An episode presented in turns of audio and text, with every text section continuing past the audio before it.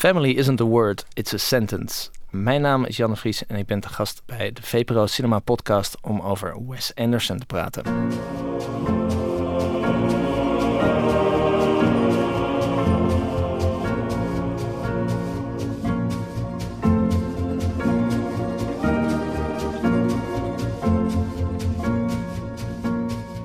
Hallo en welkom bij de VPRO Cinema Podcast. In deze podcast gaan we het hebben over film. Geen korte interviews, maar gewoon een goed gesprek. Met deze week het oeuvre van regisseur Wes Anderson als voorbereiding op zijn nieuwe film Isle of Dogs. Mijn naam is Jasper Tonnen en ik ben hier zoals altijd met mijn co-host Stephanie Laurier. Ja, hallo, hallo. Onze gast kwam al even ter sprake in onze IFFR-aflevering als een van die Amsterdammers die het aandurfde een bioscoop in Rotterdam te beginnen. Hij is medeoprichter en programmeur van Kino.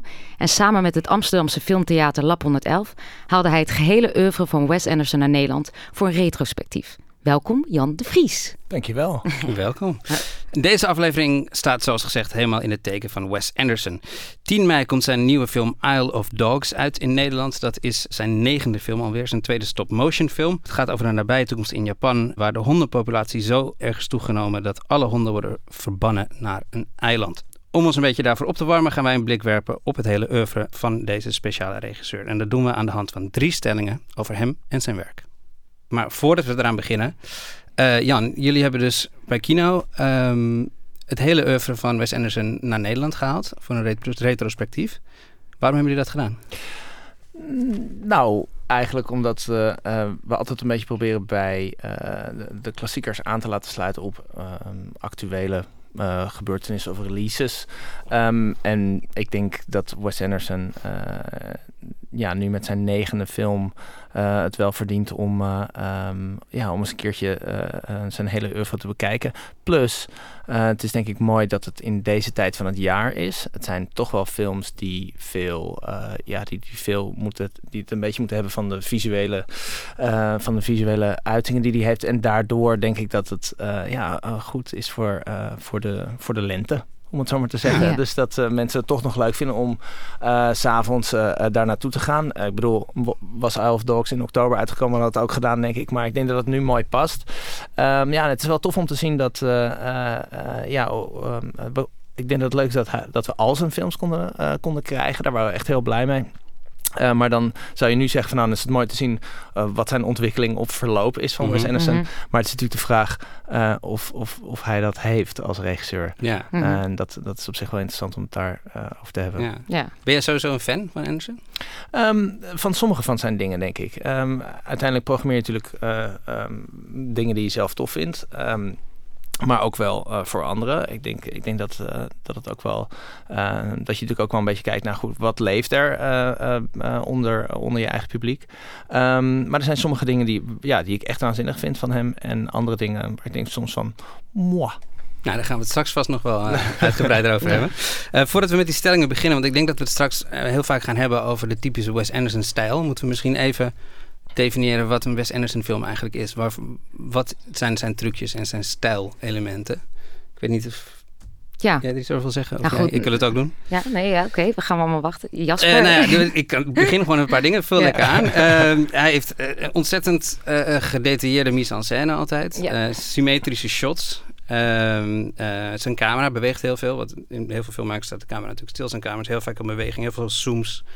Uh, ook heel veel snelle wipes. Dat betekent dat de camera heel snel draait, zeg maar. Ja. Dus uh, in plaats van dat je gewoon snijdt van één iemand naar iemand anders, draait de camera gewoon om. Ja. Um, de pastelkleuren. Pastelkleuren. Um, hij gebruikt heel veel slow motion. Tenminste, niet heel veel, maar eigenlijk in elke film zit er een shot dat in volle snelheid begint en dan slow motion wordt plotseling. Ja, vaak als iemand aankomt lopen. Ja, ja, ja in een loopmoment. Als ze een trein moeten halen. Ja, ja. juist.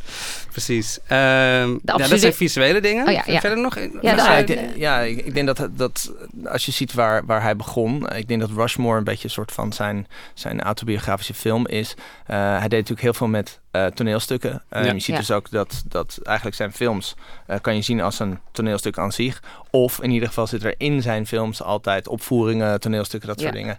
En het mooie wat ik aan, aan zijn films vind, is, is, is dat je helemaal in zijn wereld zit, maar dat hij constant bezig is hè, met de camera of, eh, eh, eh, of wat hij je laat zien eh, om het mechanische eh, eh, eh, of het overzicht van, van een, een set te laten zien. Dus eh, met het beste voorbeeld daarvan denk ik de doorsnee van de boot in Zizou. Ja. Waardoor je dus eigenlijk steeds eruit wordt gehaald en dat het een soort van poppenkast slash Poppenhuisachtige, ja. theater is. En Ja. Ik denk dat dat eh, heel tof is. Ja, en ik vind ook de eh, dialogen, die kan je ook wel goed Ja. onder, eh, eruit halen. artificieel taalgebruik een Ja, beetje. ja, en het ongemak, of daar ben ik ook wel een grote liefhebber van, wat er in al zijn films wel zit. Ja. Eh, stiltes of, of scènes die net te lang doorgaan. Dus ik ben daar ook wel, Hm. dat vind ik ook wel vrij Ja. typerend. En verder heeft hij natuurlijk altijd eh, mannen in de hoofdrol die nog niet helemaal volwassen zijn in hun geest, die op zoek zijn naar bevestiging. En het gaat heel veel over familierelaties. Hm. Ja, Mhm. Nou, dan hebben we hem wel een beetje gedefinieerd, denk ik. niet? dat, eh, ik, dat is mooi samengevat. Ja, Ja, en, ik, en wat ik ook wel goed is dat er ook wel, ik sprak ook wel mensen die echt niet van zijn stijl houden. ja. Dus dat vind ik ook heel goed, dat hij echt concessieloos is, dat hij gewoon kiest voor zijn stijl Ja. en dat gewoon blijft doorzetten. ja, en hij, kie- hij Dus- maakt ook elke film echt een hele nieuwe wereld. Maar je ziet meteen dat het een Wes Anderson wereld is. Dat, Ja. dat is ook wel heel knap. Ja, hij zei op een gegeven moment, ik probeer de, de, de werkelijkheid te vangen in fictie. Dat vond ik eigenlijk ook wel goed. Ik Ja. kan- Ja. Ja, het was, hij, hij zei volgens mij ook dat, ehm, dat ehm, ze vinden zijn films quirky. Maar hij zegt ja, Mhm. eigenlijk zijn vaak eh, de personages een, eh, al dan niet gebaseerd op iemand die ik ken. eh, of een combinatie van eh, die dingen. Maar het is allemaal een soort van net. Ja, als wij normaal allemaal op zeven met elkaar praten, is, praat iedereen op elf. eh, Ja. Larger elkaar. than life, Ja, een beetje. eh, pre- Ja. precies. En ik, ik denk dat dat ook de aantrekkingskracht is. Eh, want eh, zou je dit eh, met, eh, ja, laten we zeggen, realistische kleuren doen en, en dialogen, dan denk ik dat eh, heel veel mensen gewoon halverwege weg zouden lopen. Ja. Wat overigens bij Bottle Rocket gebeurde, waar die nog niet helemaal eh, op smaak was, zou je dat zo kunnen Nee, zeggen? had zijn Ja. stijl nog niet helemaal Ja. Nee, precies. En dat was ook zijn eerste film Ja. natuurlijk, die uit, die uit een short van hem kwam. Ja, daar waren en mensen daar- ook niet eh, enthousiast over. De nee, eerste video nee was... daar, en daar zagen pas eigenlijk, daar zagen dus de, de, mensen als Scorsese en eh, James Mhm. L. Brooks, eh, ook eh, een produ- regisseur, maar ook eh, producent van onder andere The Simpsons, wel eh, eh, al wat erin zat. Maar zal het normale publiek, eh, jij en ik, dat misschien Nee. nog denken van, poeh, Ja, eh, dat duurt lang. Ja. Eh, maar daar zie je al in ieder geval eh, eh, eh, de, zijn stijl al soort van naar voren komen. Maar juist het feit dat het zo eh, aanwezig is, is denk ik ook eh, zijn charme. ja, Ja, als je dan vergelijkt de eerste, de Battle Rock, en dan met eh, ik moet even goed, de Grand Budapest Hotel. dat is, Dat wel- verschil. Ja. Ja, daar zit wel een flinke Ja, arc in. Dat Ja, is echt iemand die zijn stijl gevonden heeft en er volledig, Ja, volledig in zijn Ja. groove zit. Ja. Ehm, zullen we dan beginnen met de drie stellingen? Stelling nummer Ja. één. Ehm, de stelling is: Wes Anderson is eindelijk volwassen aan het worden. Vroeger maakte hij onschuldige comedies, nu maakt hij films over oorlog en genocide. Ja. Steven, wil jij er iets over zeggen? Nou, ik val eigenlijk dan eigenlijk meteen over het woord onschuldige comedies. Want ik ben het daar niet eh, mee eens. Want ik vind niet dat hij onschuldige comedies maakt. Ik vind juist dat in al zijn films eh, pijn en heel veel verdriet in zit. Dat vind ik ook heel typerend. En al die personages zijn een soort underdogs, soort buitenstaanders. Ik weet ook bij, bij de film Rushmore was bij zijn eerste viewing. Wat hij toen terugkreeg is dat het te verdrietig was. Ze hebben nog een montage gemaakt en toen was het eh, te vrolijk. Dus hij zoekt altijd naar een bepaalde balans dat het en grappig, maar ook heel tragisch is. Ja. En dat vind ik Hm. zo goed. Dus er zit altijd wel pijn in. Ja. Dus onschuldige comedies, daar ben ik niet helemaal mee eens. Wat, wat vind jij? Ehm, nee, ja, ik denk, ik denk dat je dat goed zegt. Ik denk dat hij heel goed de balans kan vinden tussen, tussen een bepaald soort van ehm, ja, melodrama. En ja, ook, ook misschien een beetje. eh, een- heel, heel veel van zijn films gaan eh, over de upper class. Dus hoe zeg je Mhm. dat in ieder geval? Een soort van eh, toch wel welgestelde, elitaire mensen. Mhm. Of iemand die dat heel graag wil bereiken, in Rushmore natuurlijk.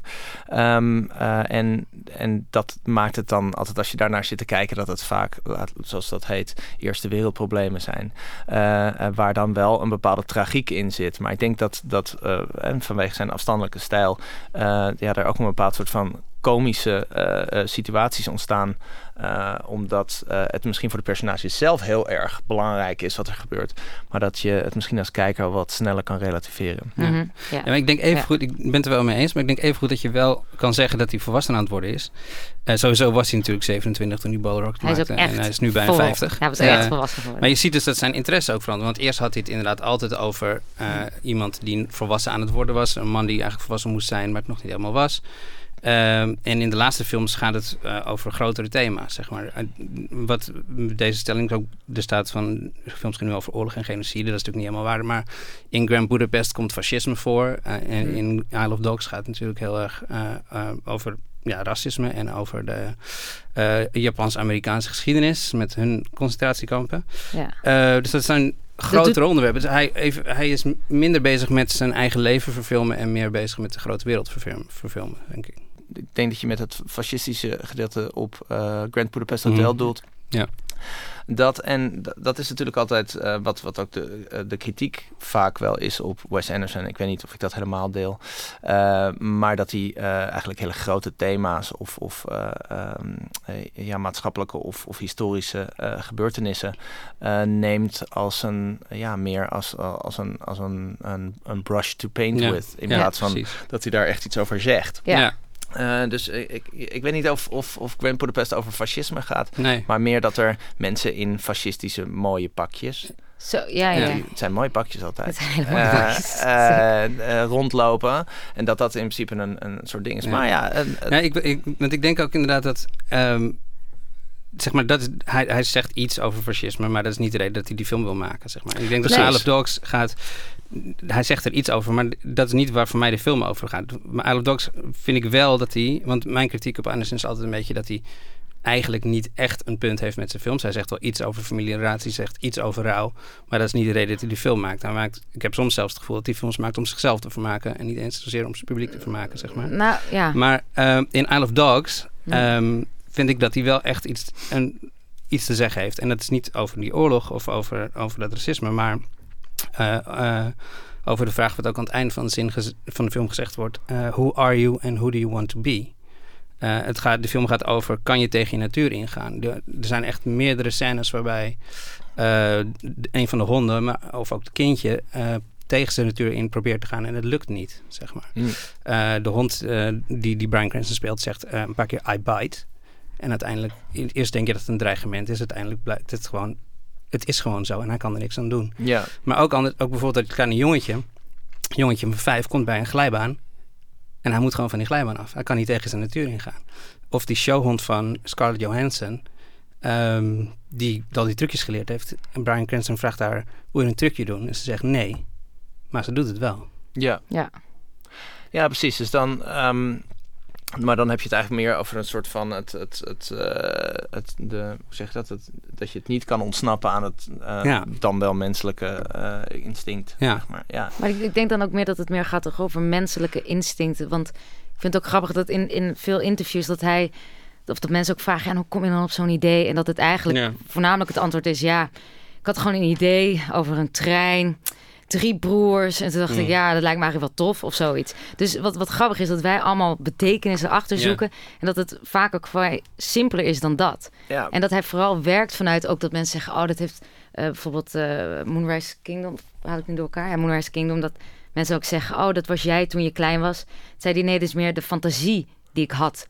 Uh, als dertienjarige. Ja. Dus hij, hij, Over hij, boeken lezen. Ja, en ja zitten. juist. Ja. Dus, dus hij verdiept zich in een personage. Hmm. En vanuit daaruit gaat hij eigenlijk de hele wereld omheen scheppen. En dat vind ik dan een nou heel... Ja, ja dat, ik, ik denk dat, ja, absoluut. Uh, wat je even aanhaalt is Darjeeling Limited volgens mij hiervoor. Um, het interessante is ook dat hij gewoon zei van... nou, ik zou eigenlijk wel een film willen maken uh, over India. Ja. Uh, was daar nooit geweest. Nee. dus hij is toen naar India gegaan. Dus had Ja. eigenlijk eerst het idee. En daardoor eh, denk ik dat je een bepaald soort van... eh, tenminste, ik kan me voorstellen dat hij gewoon zoiets heeft van... oké, dit is de backdrop. Uh, en um, uh, daardoor, daardoor zie je ook... Ik vond het interessant dat Tony Scott had een, uh, had een quote uh, over uh, Darjeeling Limited. Mhm. En hij zei: um, Darjeeling Limited is a place of wonder and caprice, but also of melancholy and frustration, Mhm. as if all the cool and exotic bric-a-brac has been amassed. To compensate for a persistent feeling of emptiness. Dan zou dat dus kunnen zijn over inderdaad dat al die broers constant al die tassen en al die dingen bij zich dragen. Maar het kan ook op Anderson uh, slaan dat hij eigenlijk um, ja, hele landen uh, en relaties en, uh, en allerlei voorwerpen gebruikt. omdat hij eigenlijk niet precies een heel erg heftig punt heeft om te maken. Ja, ja. ja. ja. Het zijn een beetje twee dingen. Het werd aan hem gezegd in een interview en toen zei hij een beetje zo van oeh, eh, Ja. nou, Hm. dus Ja. hij wist niet helemaal of het nou over hem ging of over de film zelf. Dus ik vond het wel grappig, want dat zijn eigenlijk twee dingen die parallel zijn. Dus het is zowel een, een compliment eh, eh, naar de diepgang van zijn Ja. personages, eventueel. Ja. Of ehm, eh, een, ehm, een, eh, ja, eigenlijk een kritiek op eh, de manier waarop hij films maakt. Ja. Ja. Vond ik wel interessant. ja, zeker. Oké. Ja. Ja. Ja. Ik eh, denk dat we door kunnen naar stelling 2. Ja, sure. Vind je het goed? Ja? Mee eens? Stelling 2. Het wordt hoog tijd dat Wes Anderson eens een film maakt die alle regels van een typische Wes Anderson film doorbreekt. Jan. Poeh. Ik zit allemaal zo. Ja, ja. Nou ja, ik weet het niet. Kijk, het, het is, eh, hij is natuurlijk samen met, ehm, met hij is een co-writer, maar hij, hij schrijft altijd zijn eigen films en regisseert altijd zijn eigen films. Je kan wel zeggen dat hij een wri- writer-director Mhm. is, om, het, om, om, om die term even te gebruiken. En daar de grote boys eh, daarvan zijn Paul Thomas Anderson en eh, Quentin Tarantino. Ehm, en over Quentin Tarantino zou ik zeggen, maak alsjeblieft niet nog een western. Eh, zeg maar. Maar dat is omdat hij refereert naar andere films. En een soort van ja, cinematische DJ is geworden. eh, die constant zegt: hey, kijk eens naar, eh, naar welke obscure Italiaanse giallo ik heb gezien. En ik denk ook dat, dat Wes Anderson zeker eh, eh, f- ehm, eh, dingen eh, leent en odes Mm, eh, zeker. brengt aan andere mensen. Hè? Zeker in Isle of Dogs, Kurosawa. Mhm. Eh, cameravoering ja. zitten toch wel veel dingen in eh, eh, die Truffaut eh, ook eh, Ja. eh, gebruikte. Maar ehm, ja, Wes Anderson heeft echt wel letterlijk en figuurlijk zijn eigen wereldje gecreëerd. Dus het is toch wel lastig om, om, om iemand eh, erop te wijzen dat, eh, dat hij dat misschien niet meer moet doen. Eh, Ja, wa- dus- waarom in hemelsnaam zou je dat doen, toch? Je hebt, Ja. je hebt een soort goud in handen. En je ziet ook wat we zeiden aan het begin. Hij- aan het begin is, is hij nog heel erg aan het zoeken. En nu heeft hij volgens mij iets gevonden wat werkt. En er zijn voorstanders en tegenstanders, wat ook, ook echt heel goed is. Dus hij heeft ook heel veel eh, negatieve kritiek over zich heen gekregen. En hij blijft doorgaan, vasthouden aan, aan zijn hoofd, aan de manier hoe hij maakt. En nu heeft hij zijn eigen publiek gevonden. Dus ik, ja, ik snap niet zo goed. En hij maakt al, hij is al aan het experimenteren. Het is een nieuwe film, stop-motion films. Dus dat doet hij eigenlijk al.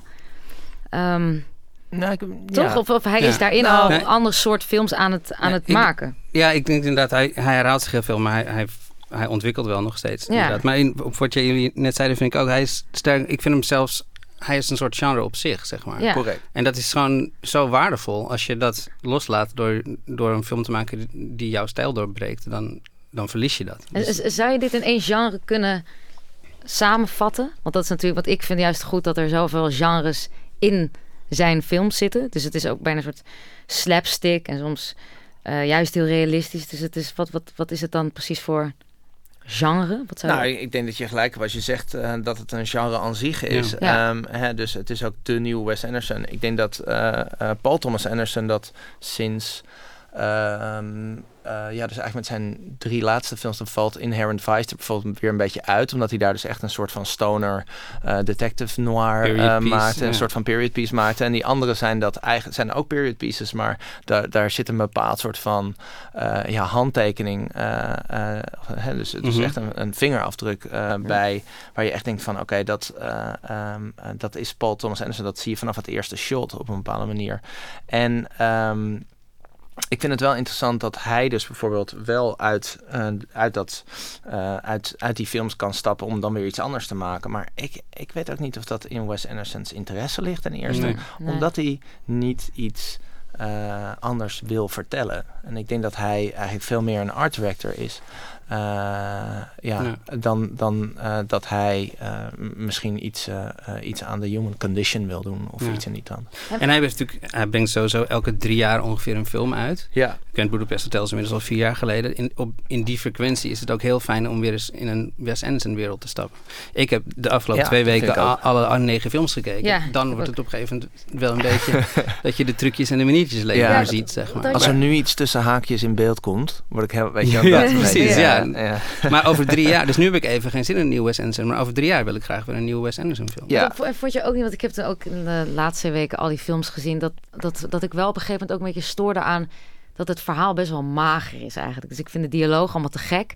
Maar het is altijd een soort flinterdun verhaallijntje van er gaat iets mis en we gaan op zoek naar. Of we gaan Ja. toch? Of, of, of, of, of Ja, nu zeker. Maar eh, ik, eh, dat, dat, dat, is, dat is ook een, een beetje het ding. Het is een, het is een bepaald soort van, eh, het is een bepaald soort van flavor, een bepaald soort van smaak. Ja, Die je zeker niet elke dag moet eten. Nee. Maar waar je, waar, ja, wat één keer in de zoveel tijd, wat je zegt, één keer in de drie jaar, heel goed is. En kijk, ik bedoel, we moeten ook wel er niet overheen stappen wat voor, ehm, eh, ja, wat voor enorme eh, genialiteit je nodig hebt om zo consistente Ja. eh, wereld te creëren. En, en dat eh, zeker te doen ook met ehm, ja, vaak op locatie. Hè. Je, hebt, Ja. je hebt een hele Instagram eh ja, feed ja, ja, Ja, ja. ja. Waar wat de Accidental Wes Wes Anderson. Anderson, ja. Wat fantastisch is, waar mensen dus eh, allerlei oude gebouwen Ja. eh, in, eh, ik, ik- tenminste, het ziet er allemaal uit alsof het in Oostenrijk of in ieder geval een soort van in Ja. het oude Habsburgse Rijk is eh, eh, eh, gefilmd. Maar dat is, dat is mooi om te zien. Ik bedoel, hij heeft zo'n enorme controle daarover.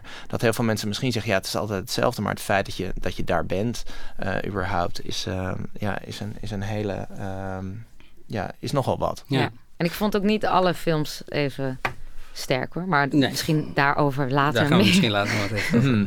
Ik zat nog hierover te denken, want ik, inderdaad, ik, ik vind vooral niet dat hij iets anders moet gaan doen. Maar ik dacht ineens wat misschien wel interessant zou kunnen zijn, ehm, is als, je, als hij in een film, die volledig verder aan Wes Anderson eisen voldoet, één scène heeft, of misschien twee, die dat niet doen. Waardoor die scène er heel erg uitspringt, zeg maar. We gaan En- nog één en- keer. Wat? dat? Ehm, dat, dat je binnen een film zeg maar stijlbreuk pleegt. Dus dat je je stijl, stijlbreuk inzet als stijlmiddel, zeg maar. Dus Ja, dat je je vindt dat hij dat moet doen. Nou, dat zou interessant kunnen zijn. Als je een film hebt die volledig daaraan voldoet... en dan één scène ineens niet, dan schrik je wakker als publiek. En als dat een scène is die voor je verhaal een heel erg belangrijke scène is... dan zou dat een heel mooi middel kunnen zijn, denk ik.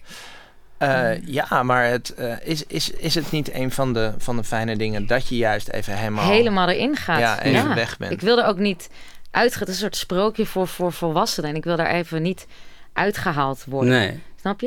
En ik Nee, vind ook wel dat, dat hij al wel verschillende stijlen of, of, of genre, wat ik zeg, soort, bij Moonrise Kingdom, een soort slapstick-achtige, het heel grotesk spel, wat ik heel, heel tof vind. Mhm. En aan andere momenten is het hele ontroerende scènes. Hij is al wel aan het spelen met, Ja, met verschillende En- soorten... maar dat werkt Ja. dus heel goed, Ja. vind ik. Op moment, ik- mijn favoriete scène van, van hem is eh, uit Royal Tenenbaums. Royal Tenenbaums is zijn eh, derde film. Het gaat over familierelaties. Vader wil eh, weer een goede relatie krijgen met zijn kinderen en met zijn vrouw. Ehm, aan het einde van die film, hij heeft, hij heeft zijn, een van zijn zoons heeft zijn vrouw verloren dat jaar en heeft eh, een soort angststoornis opgelopen. Dat gaat niet goed met hem. Zij komen niet dichter bij elkaar, zij botsen. Die hele film zit eigenlijk vol met overdreven emoties en, en kunstmatige emoties. En aan het einde van de film zit er een heel lang shot. echt een one-taker die langs alle karakters gaat. eh, Ja. Langs een heel brandweer. Een super lange scène. Komt uiteindelijk bij Gene Hackman en Ben Stiller uit.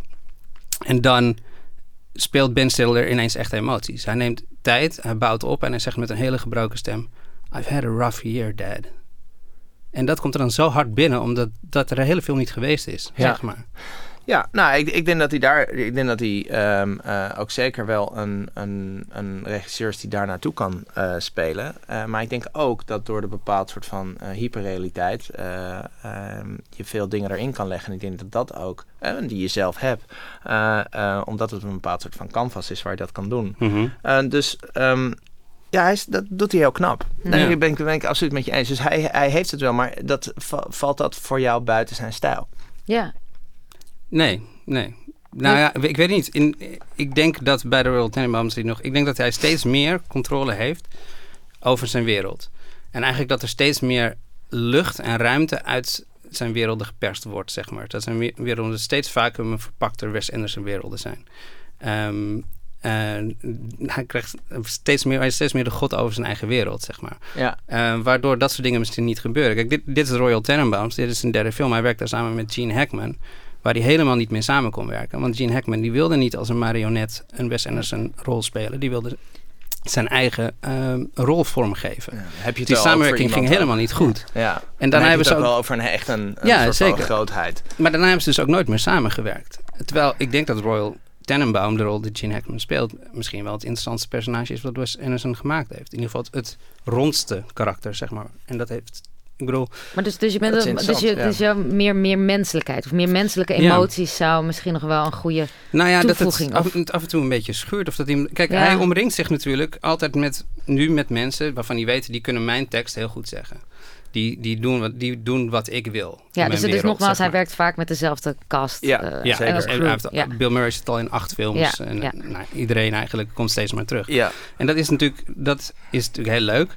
Maar het, ma- is, het zegt, zorgt ook dat er nooit iemand nee tegen hem zegt. Of nooit iemand eh, zegt, maar kunnen we dit niet anders doen? Ja, maar ja. Ja en, eh, maar dat zou in, in, in principe wel interessant zijn. Maar ik. eh, Maar, bedoel, ik- mag, wacht even, nog Ja. even. Maar Dus je bedoelt dan dat hij dus... Het zou misschien ook voor hem een advies zijn om met andere mensen te gaan werken. Ja. Maar daar ben ik het ook niet... Ook bijvoorbeeld bij, weet ik veel, of theatergezelschap. Je hebt zoals ook ensembles. Ik vind het juist goed dat je, dat je met dezelfde mensen werkt. Omdat je dan iets kunt opbouwen. Mhm. Het is ook vaak als je met nieuwe mensen werkt... moet je nog heel erg zoeken, vertrouwen winnen. En ik geloof heel erg dat als je lang bij elkaar bent... en het proces met elkaar deelt... dat je de volgende keer daarop Ja. kunt doorbouwen. En dat Ja, en nou heeft hij natuurlijk sowieso, in Sodo heeft hij, de meeste films komen er weer karakters bij natuurlijk. Want Ralph Fiennes had nog nooit in een West Anderson gespeeld voor Grand Budapest Hotel. Nee. En speelt daar de hoofdrol in. Nu is Brian Cranston de hoofdrol, had hij nog nooit mee gewerkt. Dus er komen wel nieuwe mensen bij. Dus eigenlijk spreek je zelf een beetje tegen. Nee, maar, door, nee, maar voor en achter de camera omringt hij zich wel met mensen die, waar, die gewoon eh, ja, zijn stijl aanhangen. Zeg. Dus de- en jij zou zeggen, gooi er een keertje even een... eh, Nou, nee, ik, zeg, ik, ik vind gewoon zijn eerdere films, zoals ik net zei over Royal Tenenbaums, ik vind Royal zo'n interessant karakter, omdat Gene Hackman mhm. gewoon zijn ruimte neemt om die rol vorm te geven. Ja, Ja.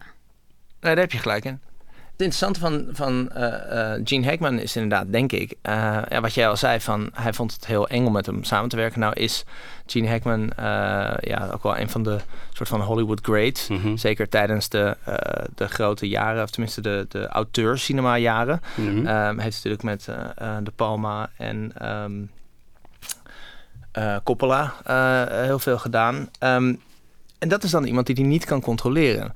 Ja. En, ja, en alles gaat over controle. En jij zegt waarschijnlijk dat, tenminste wat je bedoelt hopelijk, eh, eh, anders dan is dit een lulverhaal, eh, is, eh, is dat, dat juist die controle verliezen een interessant personage oplevert. Ja. Nou, dat, dat, daar ben ik het wel met je eens. En ik denk ook dat veel in interviews zie je ook dat hij eigenlijk zegt van ik werk alleen maar met vrienden. Hij heeft natuurlijk altijd dezelfde cameraman Ja. gehad. Ja. En die complete controle eh, eh, is fijn. En daardoor weet je ook altijd wat je hebt.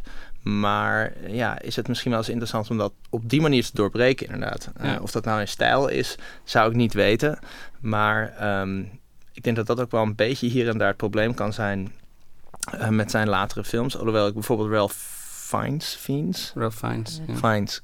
Eh, eh, wel, eh, wel weer een heel interessant eh, eh, eh, personage vindt. Omdat je eigenlijk dat hij dus heel erg tussen dat hele vriendelijke en soort van Mhm. eh, ja, eh, eh, die, die service zit. Maar zelf ook eigenlijk gewoon er genoeg van heeft. Ehm, en, en dat is een mooie, een soort van een mooie juxtaposition tussen die twee dingen.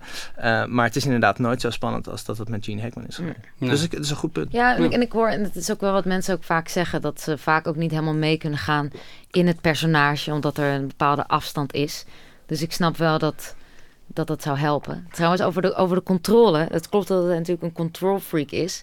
Maar ik heb ook wel eh, gelezen in interviews dat hij het ook wel gewoon vaak loslaat. Of dat hij ook vaak op de set tegen dingen aanloopt en dat hij daar niet over gaat stressen. Bijvoorbeeld ook bij Darjeeling Limited hadden ze toen een, eh, een hut. Moest een hut gebouwd worden. Dat weet je wel, ja, er moest een hut gebouwd worden. Ze zeiden, nou, hier heb je geld. Ik wil zo'n soort hut. Maak het maar. Toen kwamen ze op de dag van het rijden, kwamen ze daar aan. En dan hadden ze de hut, hadden ze volgens mij roze geschild. Met allemaal bloemen erop en eraan. Zeiden ze, kijk, we hebben het nog mooier gemaakt. Nou goed, dan heb je een Wes Anderson die natuurlijk alleen maar met kleur werkt. Die Ja. dacht, holy fuck. Maar die dacht zo van, ja, oké, dan gaan we hier mee werken. Dan is dit het. En dat vond ik wel typerend aan een man die, eh, die we toch wel allemaal zien als een soort major control freak. Ik dacht, oh ja, hij werkt wel gewoon met wat er ook gebeurt. Dus je als zou, hij je zou verwachten dat hij volledig overstuur zou raken. juist. Maar dat hij gewoon zegt, nou ja, dat is zo. Dus vaak weet hij ook Ja. niet, eh, nog niet eens voor de montage, hoe het allemaal in elkaar gaat steken. Dus zegt van ja, dat, dat, dat zien we dan wel weer. Dan komt alles wel weer bij elkaar. Ja. Dus dat vind ik wel, dat pleit, het- dat pleit wel voor hem, vind Ja, ik. zeker. Maar het is, het is toch knap om te zien dat je wel... Je hebt altijd het gevoel dat hij van begin tot einde compleet Mhm. eh, in controle is. ja. Ja. Dat maakt het ook eh, eh, toch zeker wel interessant. Daarom Ja. kan hij zijn eigen genre zijn, natuurlijk. Ik bedoel, anders, Ja, dus, maar misschien moet je niet zeggen genre, maar hij heeft gewoon zijn eigen handtekening of zo. Want anders dan ga ik heel erg focussen op genre. Het is zijn eigen Mm. signature. Zo. Ja, ja. dat, ja. dat is Ja, wat is dat hij... wat stelling drie. Sure. Ja. ja. De wereld van Wes Anderson wordt vooral bevolkt door mannen. Er zijn geen interessante vrouwenrollen te vinden in zijn films. Ik denk dat we deze even naar Stephanie Oh, moeten gooien. ja, ja, ja, snap ik. Nou, we hebben natuurlijk vorige keer ook eh, een interessant gesprek gehad over Aitonia in onze vorige Mhm. podcast over de ongelijkheid van eh, vrouwenrollen. Eh, zeker waar dat hier voornamelijk eh, mannen hele interessante rollen hebben. Maar nogmaals, eh, ook in zijn interviews, waar ik dan wel voor pleit, is dat hij niet, dat hij best wel, hè, ik, ik probeer het eh, simpel nadenkt. In die zin dat hij zegt, ja, ik kan gewoon moeilijk inleven in een vrouw. Punt. Dat is dan zijn antwoord. En denk ik, ja, dat snap ik dan ook wel weer. Als Wes Anderson en de control freak en, en dingen schrijft en maakt en iets bedenkt. Dat hij zegt, Ja. ja, ik kan het beter in het perspectief van een man. Ja, en dat, hij is ook een man. Ja. Dat, dat snap ik op zich Ja. wel. ik, zou, ik zou het wel interessant vinden. En zeker, het zou natuurlijk wel een grote drempel zijn, omdat het nu zo'n issue is, de, de vrouwenrollen. Dus er zit heel veel focus op. Dat hij wel een film zou maken met bijvoorbeeld drie eh, vrouwen in hoofdrol. Een soort Mhm. bankoverval of zo. Dat zou ik wel te gek vinden. Ja, Kleine soort- tip, ik zal hem even bellen, ja. Ocean's 8. Ja, maar dan, zoiets, eh, ja, maar ja. Wes Anderson. Nee, maar ik, ik snap het ook. Maar goed, kijk, hij, hij zit zo vast. Hij zit tenminste vast. Hij, hij heeft toch wel redelijk eh, eh, eh, her- herhalingsgezind als het gaat over eh, onvolwassen mannen die eh, vooral of een probleem met hun moeder of met hun vader hebben. Mhm. eh, die redelijk eh, briljant zijn, maar eh, daar moeilijk hun brood mee kunnen verdienen, nou, enzovoorts. Ehm, dus dan, ja, ik weet niet of, of, het dan, of het dan een probleem is dat, eh, eh, ja, dat, dat er misschien geen interessante vrouw is. Dat gezegd, volgens mij speelt eh Gwyneth Paltrow een hele interessante rol. Ja. Er zitten er eigenlijk in zijn films vaak vrouwen die misschien niet center stage zijn, maar dan moet je wel toch ook bedenken wat voor personage dat wel zijn. En het zijn, bedoel, het zijn geen. ehm, eh, het zijn geen Harrison Fords en Bruce Willis's. eh tenminste, Bruce Nou, Willis zit er ja, wel in. ja, maar- ja, ja, zeker. maar ik bedoel meer in zijn, in zijn soort van klassieke rol. Dus het bedoel, het zijn, Ja. eh, weet je wel, het, het is niet dat vrouwen als een soort van decoratie worden gebruikt. eh, om, om af en toe is een, zeg maar... Limited is natuurlijk wel de vrouw die... Op de- de trein. Op de trein. Oké, ja, natuurlijk. Ja. eh, Oké, er zijn Ja, ja. voorbeelden, maar eh, bedoel, val er meteen eh, op Ja, natuurlijk, ja, Sisu, dat- eh, ehm, weet je, heb ik, heb ik toch wel het idee. Het, het is misschien niet center stage, maar ik heb wel het idee dat, dat, ehm, eh, dat hij wel een, een significante rol, of in ieder geval een significante Ja. eh, eh, ehm, eh, toevoeging zijn Ja. aan, eh, aan het geheel. En ik denk gewoon dat, dat zijn eeuwige eh, fascinatie met, het, met, het, met de man die niet kan opgroeien, of in ieder geval, zoals je al zei, een bevestiging nodig heeft. Eh, ja, misschien niet de makkelijkste, eh, ehm, ja, misschien niet altijd de Bechteltest eh, zal, Nee, eh, zal doorstaan. Maar ik weet ook niet of, of dat nou zijn eh, rol is binnen, ehm, eh, binnen Ja. deze discussie. Ja, ik, heb, ik heb ook minder of nou, last van of bij, bij, bij deze film dat het zo'n. Ik weet niet, ik ben er dus voor de eerste keer of zo niet mee bezig geweest. Hmm. En dat vond ik wel goed. Voor de eerste Ja. keer? ben Voor de je eerste, niet- nou niet voor de eerste keer, maar ik ben er wel, ja, ook zeker door de Bechdel-test ga je wel nadenken van interessante vrouwenrollen. En we zijn daar natuurlijk ook best wel mee bezig geweest. Maar ik heb dat bij Wes Anderson dan niet. Het is dan zo'n, Nee. Nee, en ik heb ook het idee dat, dat hij universeel, dus zowel over jong, oud en vrouwen en mannen, eh, zijn, zijn werk interessant vinden. Ik zou eerder zeggen dat misschien zelfs meisjes het, eh, eh, het leuker vinden vaker, omdat het een bepaald soort eh, eh, stijl heeft die, die aanspreekt, dan dat hij nou echt mannenfilms maakt. ja.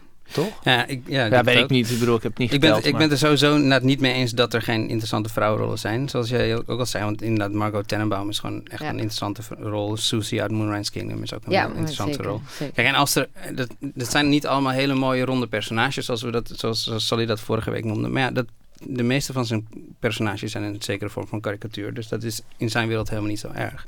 Nee. Ehm, Nee, dat denk ik ook. en, en zoals inderdaad, zoals we ook vorige keer besproken, kijk, er zijn te weinig was goede rollen voor hè, vrouwen. dus ja. nee, ik was Eh, daar niet bij. nee, Nee, nee, niet. nee. Maar er zijn te weinig goede rollen voor vrouwen. En toen kwam, wij zeiden ook, ja, de oplossing daarvan is niet dat witte mannen eh, hoofdrollen voor vrouwen gaan schrijven. De oplossing daarvoor is dat er meer vrouwen scenario's gaan schrijven en meer vrouwen regie gaan schrijven. Dus het is inderdaad niet per se zijn taak. Ja, ik, ben, ik ben het daar het mee eens. Eh, eh, ik vind, vind ook, weet je wel, laatst... eh, ehm, ik zat een podcast te luisteren, een, een andere podcast. eh, eh, sorry daarvoor. Ja, ik wou net zeggen, Ja, wat is dit? maar een Amerikaanse podcast Oh, oké. over een Nee, vrouw die, eh, een vrouw die eh, eh, ehm, eh, Coppola's film The Beguiled had gezien.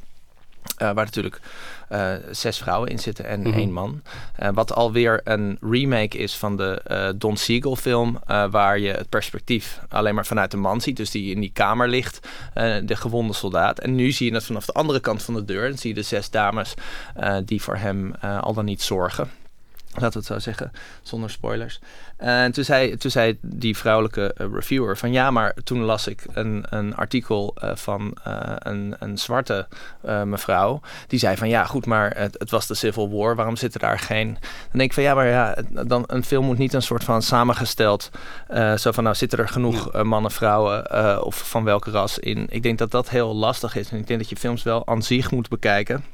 Uh, want anders ga je namelijk voor andere mensen nadenken. Ik denk dat dat uh, heel problematisch ja. kan zijn. En dan inderdaad, als er echt alleen maar slechte rollen zijn, dan komen actrices zoals Angelica Houston en Tilda Swinton en Frances McDormand ook niet elke keer terug in een Wes Anderson film. Correct. Ja.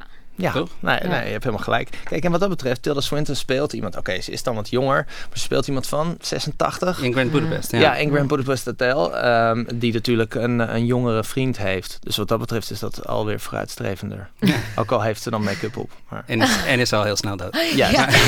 ik, ik, ik probeer een ik, ik probeer, ik probeer nou heel rustig en denk, ja, oké. Okay, ik, uh, ja. Uh, nee, goed, ja. Excuses. Iemand nog iets over de, dit, dit, Nee, we hebben het hier punt? ook al wel uh, genoeg over gehad. Nee, ja? nee. Oké. Okay. Uh, nou, dan hebben we die drie stellingen gehad. Ik wil nog eventjes, want we, de Isle of Dogs hebben we natuurlijk alle drie gezien vorige week. Ja, uh, kunnen we de openingsfilm van Imagine. over zeggen? Hoe zit dat? Ja, we, hij komt pas 10 mei ja. uit, dus we kunnen niet te veel spoilen. Maar we kunnen wel even zeggen, hoe, hoe vind jij hem vallen binnen, zijn, bij jou, binnen jouw ranglijst Wes Anderson films, zeg maar? Staat hij bovenaan, ah, staat hij onderaan? Nou, ik, ik, ik, denk dat hij, uh, ik denk dat hij een, een beetje... ja, hij valt natuurlijk een beetje buiten het idee vanwege het feit dat, dat het een stop-motion film ja. is. En ik, ik moet zeggen dat ik Fantastic Mr. Fox uh, echt tof vond. Ook omdat het uh, heel leuk is om een Roald Dahl um, te zien in, in stop-motion. En omdat hij natuurlijk altijd een vaste tekenaar had... Um, is het heel interessant om een andere soort van geïllustreerde mm. manier van Roald mm -hmm. te zien. Dat vond ik echt heel interessant. Ik moet zeggen dat ik wel een fan ben van Japanse cinema. En daardoor dus wel uh, uh, het heel tof vond om, om het een keertje op die manier te zien.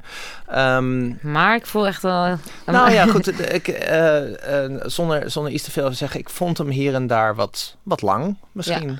Ja. en en zie, je, zie je toch dat hij, zich, dat hij heel erg op de mise-en-scène, op de art direction... en op, um, ja, op die personages, die ja, toch wel hoofdzakelijk honden zijn... Um, ja, toch, toch zwaar Uh, en dat is prima, want ik denk dat dat, dat, dat vaak uh, bij hem zo is. Dus daardoor zou hij bij mij niet uh, het allerhoogste eindigen. Ik vind Rushmore nog altijd zijn beste film. Um, omdat hij daar echt zo in zit. Dat het zo'n persoonlijke film is. Um, maar ik vond hem, ik vond hem zeker vermakelijk. En, en um, ook zeker een film die, die in, zeker in de top 3 zou staan. Top 4, ja. weet Ja.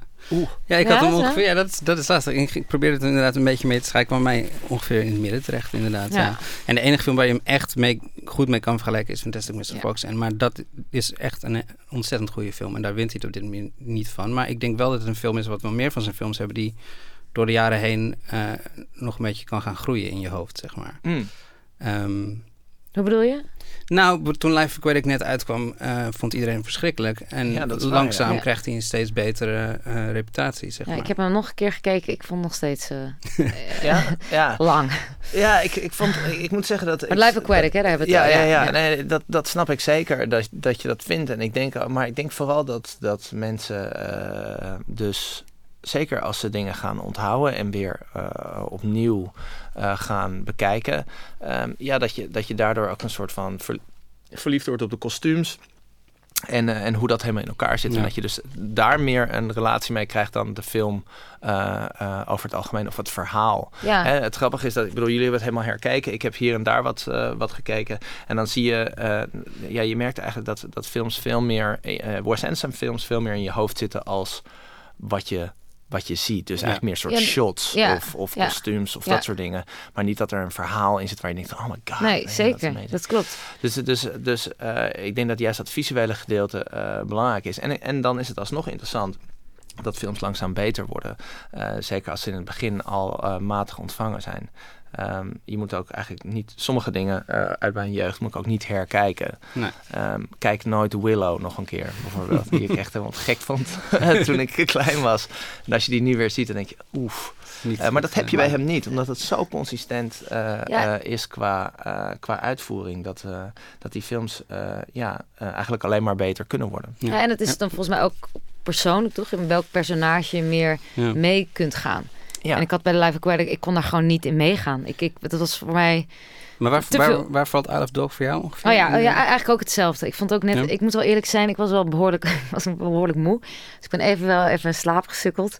Oh. Eh, erg, hè? Maar dat zegt misschien ook al wel genoeg. Niet dat ik het heel slecht vond, maar het was, nou, hoe lang was het dat ik even wegviel? Mm, Een Nou, paar het was minuten. Een paar ik, minuten ja. hoor. Het was, het was, maar dus ik vond het, het ziet er waanzinnig uit. Het verhaal vond ik ook gewoon net, eh, ja, kon er niet helemaal, net te lang. Ja, dat. Hmm. Ja, Ja, maar ja. Jij zei net al, je, je, je favoriete film. Wat, is jou, wat, Ja, wat wat, staat bij jou oh, op één? Rushmore. Rushmore ik ja. Ja. En Moonrise Kingdom, ja. En waarom? Ehm, nou, dat is dan volgens mij persoonlijk dat ik heel goed in die personages mee kon gaan. En vanaf het moment, ik heb hem een paar keer gezien, ehm, ik, vind, ik vind de stijl, het soort slapstick, grotesk eh, spel, vind ik echt te gek. De humor daar Mhm. vond ik precies, de timing vond ik te gek. Ehm, ja, bij mij viel het allemaal op zijn plek en ik kon gewoon heel goed met die twee kids meegaan. Hm. En dat vond Ja. ik, en ik moest ook heel erg denken aan. eh, eh, ik heb dan blijkbaar daar een fascinatie voor. The End of the Fucking World bij Netflix, de Ja. serie. Ja. Het is ook een soort van twee kids die verliefd worden op elkaar. Ik vind dat dus, was een goede serie. ja, het is een hele goede serie. Dus daar moest ik ook een beetje aan denken. Ehm, wat heb ik nog meer opgezet? Ja, ik vond het wel. Is dit toch ongeveer, of is dit. eh, Ja? Ja, dit, ja. Ik kon waarom, gewoon- waarom voor jou Rushmore dan? Nou, ehm, eh, ik heb daar het idee dat, dat hij, dat hij eh, zeker met het, met het idee dat, kijk, zijn vader is eigenlijk een, eh, een kapper, waar helemaal Mhm. niets mis mee is. Van het maar- hoofdpersoon. Sorry, ja, Ja, van ehm, De film van gaat over... hoofdpersoon. Ja. Ehm, ja, het gaat eigenlijk. Het is ook opgenomen in zijn oude school. Ja. Ehm, het is eigenlijk een student die, die soort van de meeste buitenschoolse activiteiten en clubs opzet. En daar constant mee bezig is. Ja, En Veel te volwassen is voor zijn leeftijd. Ja, Dat wat in ieder geval vaak veel te ook is, hè, volwassen doet. films. Ja. Ook zo. ja, Ja. en natuurlijk altijd in pak loopt. En, eh, maar eigenlijk een hele slechte eh, eh, leerling is. Omdat hij gewoon verder eigenlijk geen reet uitvoert. En eh, ja, ik vind het mooi dat, dat je gewoon overduidelijk ziet dat dat, eh, dat dat is wat zijn eigen frustratie was. En ik bedoel, een toneelstuk van Serpico eh, en Apocalypse Now volgens mij. Ja. Ja, goed, dan, dan eh, daar moet je hem sowieso volle Ja. punten voor geven. Ja, Ja. precies. Weet Ja. je, wel, dus dat, dat is gewoon fantastisch. Dus eh, ik had daar gewoon het meeste mee, maar ook met, met de referenties die hij daarin brengt en, en de manier waarop hij eh, daar in het, in het leven staat. Dat vond ik, ja, dat, dat vond ik heel tof. Ehm, eh, ook zeker om te zien dat personage van eh, eh, Bill Murray daar eh, en wat hij daar doormaakt eh, en met die twee eh, zoons van hem. Ja, ik- dat spreekt mij dan het meeste aan. Ja. Dat, eh, dat Dat is- was ook de eerste keer toch dat ze met Bill Murray gingen. Ja, dat is de eerste keer dat En ze, hadden toen ook met hem, eh, dat weet jij, dit weet jij natuurlijk ook, dat ze een eh, overleg hadden over hoeveel zou die krijgen. En ze hadden een heel weinig, heel weinig budget. Dus ze zei Bill Murray, nou, ik mats jullie het ongeveer 375.000 hè, voor alle drie dagen. En uiteindelijk heeft hij 9000 dollar of zoiets gekregen. dat vond ik wel een goed... ja, eh, dat, dat is te gek. Ja. Eh, ik, is- ik hoorde dat interview, want hij had, ze, ze kennen elkaar natuurlijk niet, want hij was een nobody. eh, Mhm. ehm, dat eh, Bill Murray hem alleen maar over Redbeard heeft gevraagd, eh, van een film van Kurosawa. Ehm, ehm, waar hij, die hij niet had gezien. En daar hebben ze het een uur over gehad. Eh, en toen zei hij op een gegeven moment zo van... Oké, nou, eh, ik doe het gewoon. Dus kijk maar hoeveel het wordt. Eh, en uiteindelijk is dat dus... Dat wist ik niet, maar Ja. 9000 geworden. Eh, dat is... Dat zou voor ons weinig. best veel zijn. Maar Ja. het is, niet, Het is- het is niet. Ja. Nee. Ja, voor mij is, Ru- Rus- is Rushmore ook met mijn favoriete Wes Anderson film, by far zelfs. Nice. Eh, sterker nog, ik vind het ehm, ook gewoon sowieso echt een ontzettend sterke film. En ik zat er een beetje over, en ik, ik had een heleboel dezelfde dingen bedacht als jij. Maar wat ik me nou ook nog bedacht had, wat ik volgens mij heel goed vind werken aan Rushmore, is dat de karakters, Max Fisher, mhm. is al een echt Wes Anderson karakter, zeg maar. Eh, hij, is, hij is anders, hij is weird. ehm, maar de wereld van Rushmore is nog de echte wereld. En dat maakt het veel spannender. Dat maakt dat het veel meer schuurt, zeg maar. Dat maakt hem veel excentrieker en Oh, enger, ja. omdat de mensen om hem heen Ja. redelijk normaal zijn. Hij leeft in een echte wereld. Dus als hij bijvoorbeeld... Af en toe is het ook eng. Als hij die lerares probeert te zoenen, dan zit je ontzettend ongemakkelijk te kijken. Ja, het is creepy. Het is Ja. creepy. Ja. Terwijl als je hem, als je Max Fisher eh, in Moonrise Kingdom of in Budapest Hotel zou zetten, ja, dan zou die gewoon normaal zijn. Want de, de hele wereld om hem heen is zo. Nou, het is goed dat je het zegt. Want ik denk ook dat daardoor uh, de art direction, dus, dus bijvoorbeeld de dingen, de chapters, de dingen die in beeld komen mm -hmm. uh, en, en hoe uh, dingen gepresenteerd worden, daardoor ook een stuk sterker zijn. Ja. omdat, die, omdat je daarna weer teruggaat naar een, een, een daadwerkelijke wereld. locatie. Ja. Ja. Ik, denk, ik denk dat ik het daar. Nou, ik weet niet of ik hem daarom goed vind, maar het voelt een beetje als een, een, een moment als bij de psycholoog. Dat jij dan, weet je, dat ik vertel, dat jij zegt, dat is daarom, Jan. Ja. daarom vind je Dankjewel. Ja.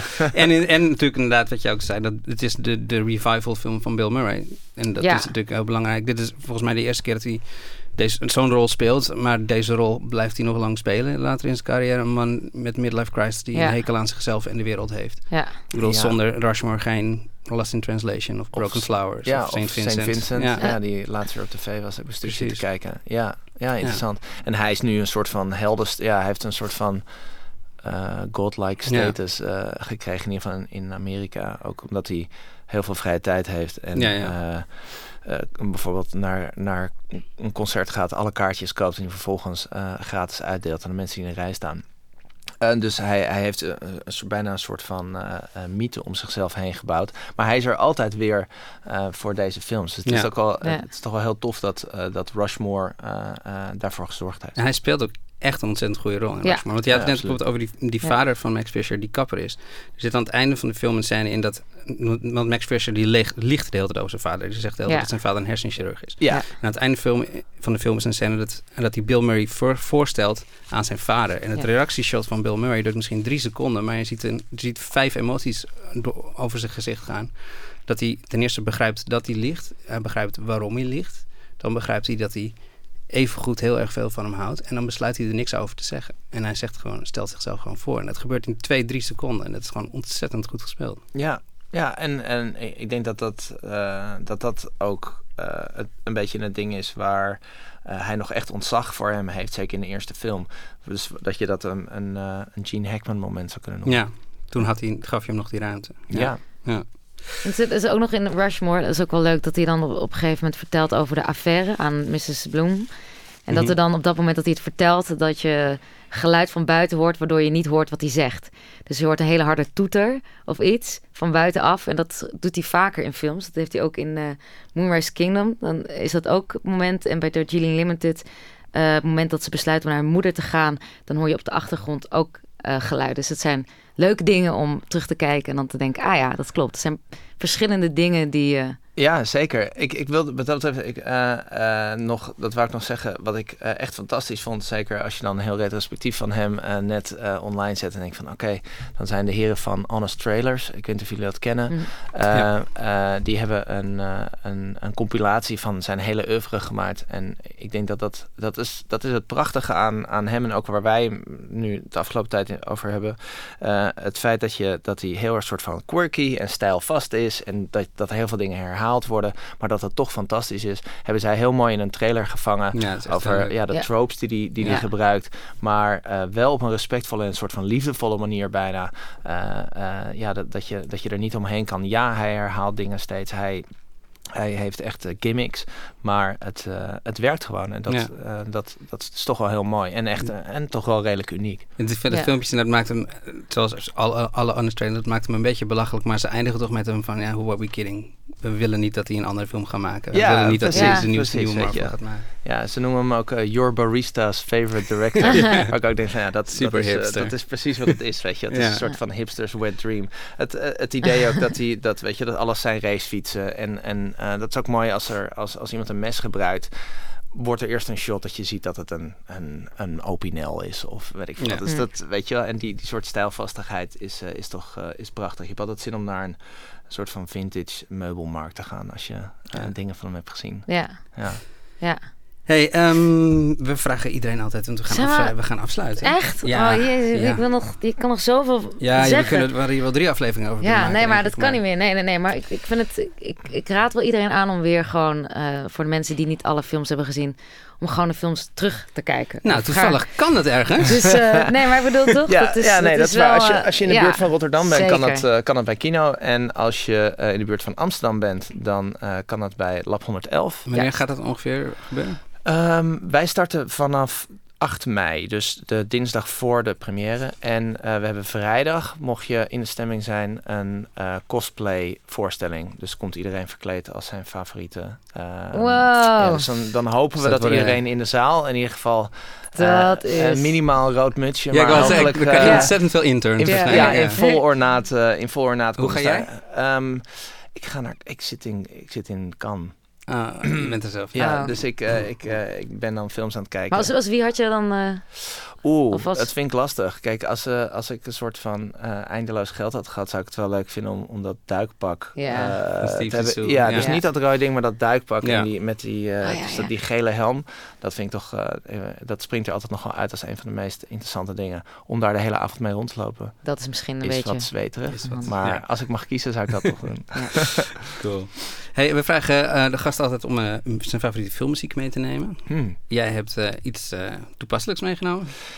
Ja, eh, het, is altijd, het is altijd lastig. Ik ben ook heel blij dat, je, eh, dat jullie niet vragen eh, wat mijn favoriete film is of dat soort dingen. En favoriete filmmuziek, maar wat dan passend is, is altijd fijn. Want ik bedoel, in principe is er een heel scala aan dingen natuurlijk die, die je tof vindt. Maar ehm Wes Anderson gebruikt in Isle of Dogs een aantal musical cues van Akira Kurosawa. Mm. Ehm, en ik zag laatst Yojimbo weer, wat eigenlijk een soort van samurai western is, eh, met de grote Toshiro Mifune. En, ja, die ook eh, trouwens in 16 van zijn film speelt. Dus hij heeft ook een soort Wes ja, ja relatie zeker, zeker. Ja, hij heeft echt een, een muze, zeg Ja. maar. Ja, absoluut, absoluut. En ehm, ja, daar speelt hij eigenlijk een soort... Hij speelt de Clint Eastwood van, eh, van Japan. van ruraal Japan. En ja, daar is een prachtige, een prachtige intro als hij het dorp binnengelopen komt. Wat een soort combinatie is van, van Japanse instrumenten. maar ook, ja, je hoort er bijna een soort van Oriëntaals, Indiaas dingen in. Eh, maar het is ook weer eh, niet te vergissen Japans. En omdat Wes Anderson dat in Isle of Dogs eh, gebruikt, eh, leek me dat een mooie outro. Mooi Ja. outro. Dan wil ik jou bedanken voor je komst. Ja, jullie bedankt, dankjewel. Ja, En- Heel gezellig. Ja, het was erg leuk. Eh, als jullie meer willen weten over de podcast, dan kan je kijken op vpro.nl slash cinemapodcast. Je kan een recensie achterlaten op iTunes. Vijf sterren vooral, dat is heel fijn. Vijf. Dat is de enige Ja, recensie die ik kan anders. geven. Ja. Blijf anders gewoon ver weg van iTunes. Eh, en verder, eh, als je feedback, vragen, suggesties hebt, dan kan je altijd mailen naar cinemapodcast.vpro.nl. En we zijn er over een maand weer. Ja. Tot dan. Ciao.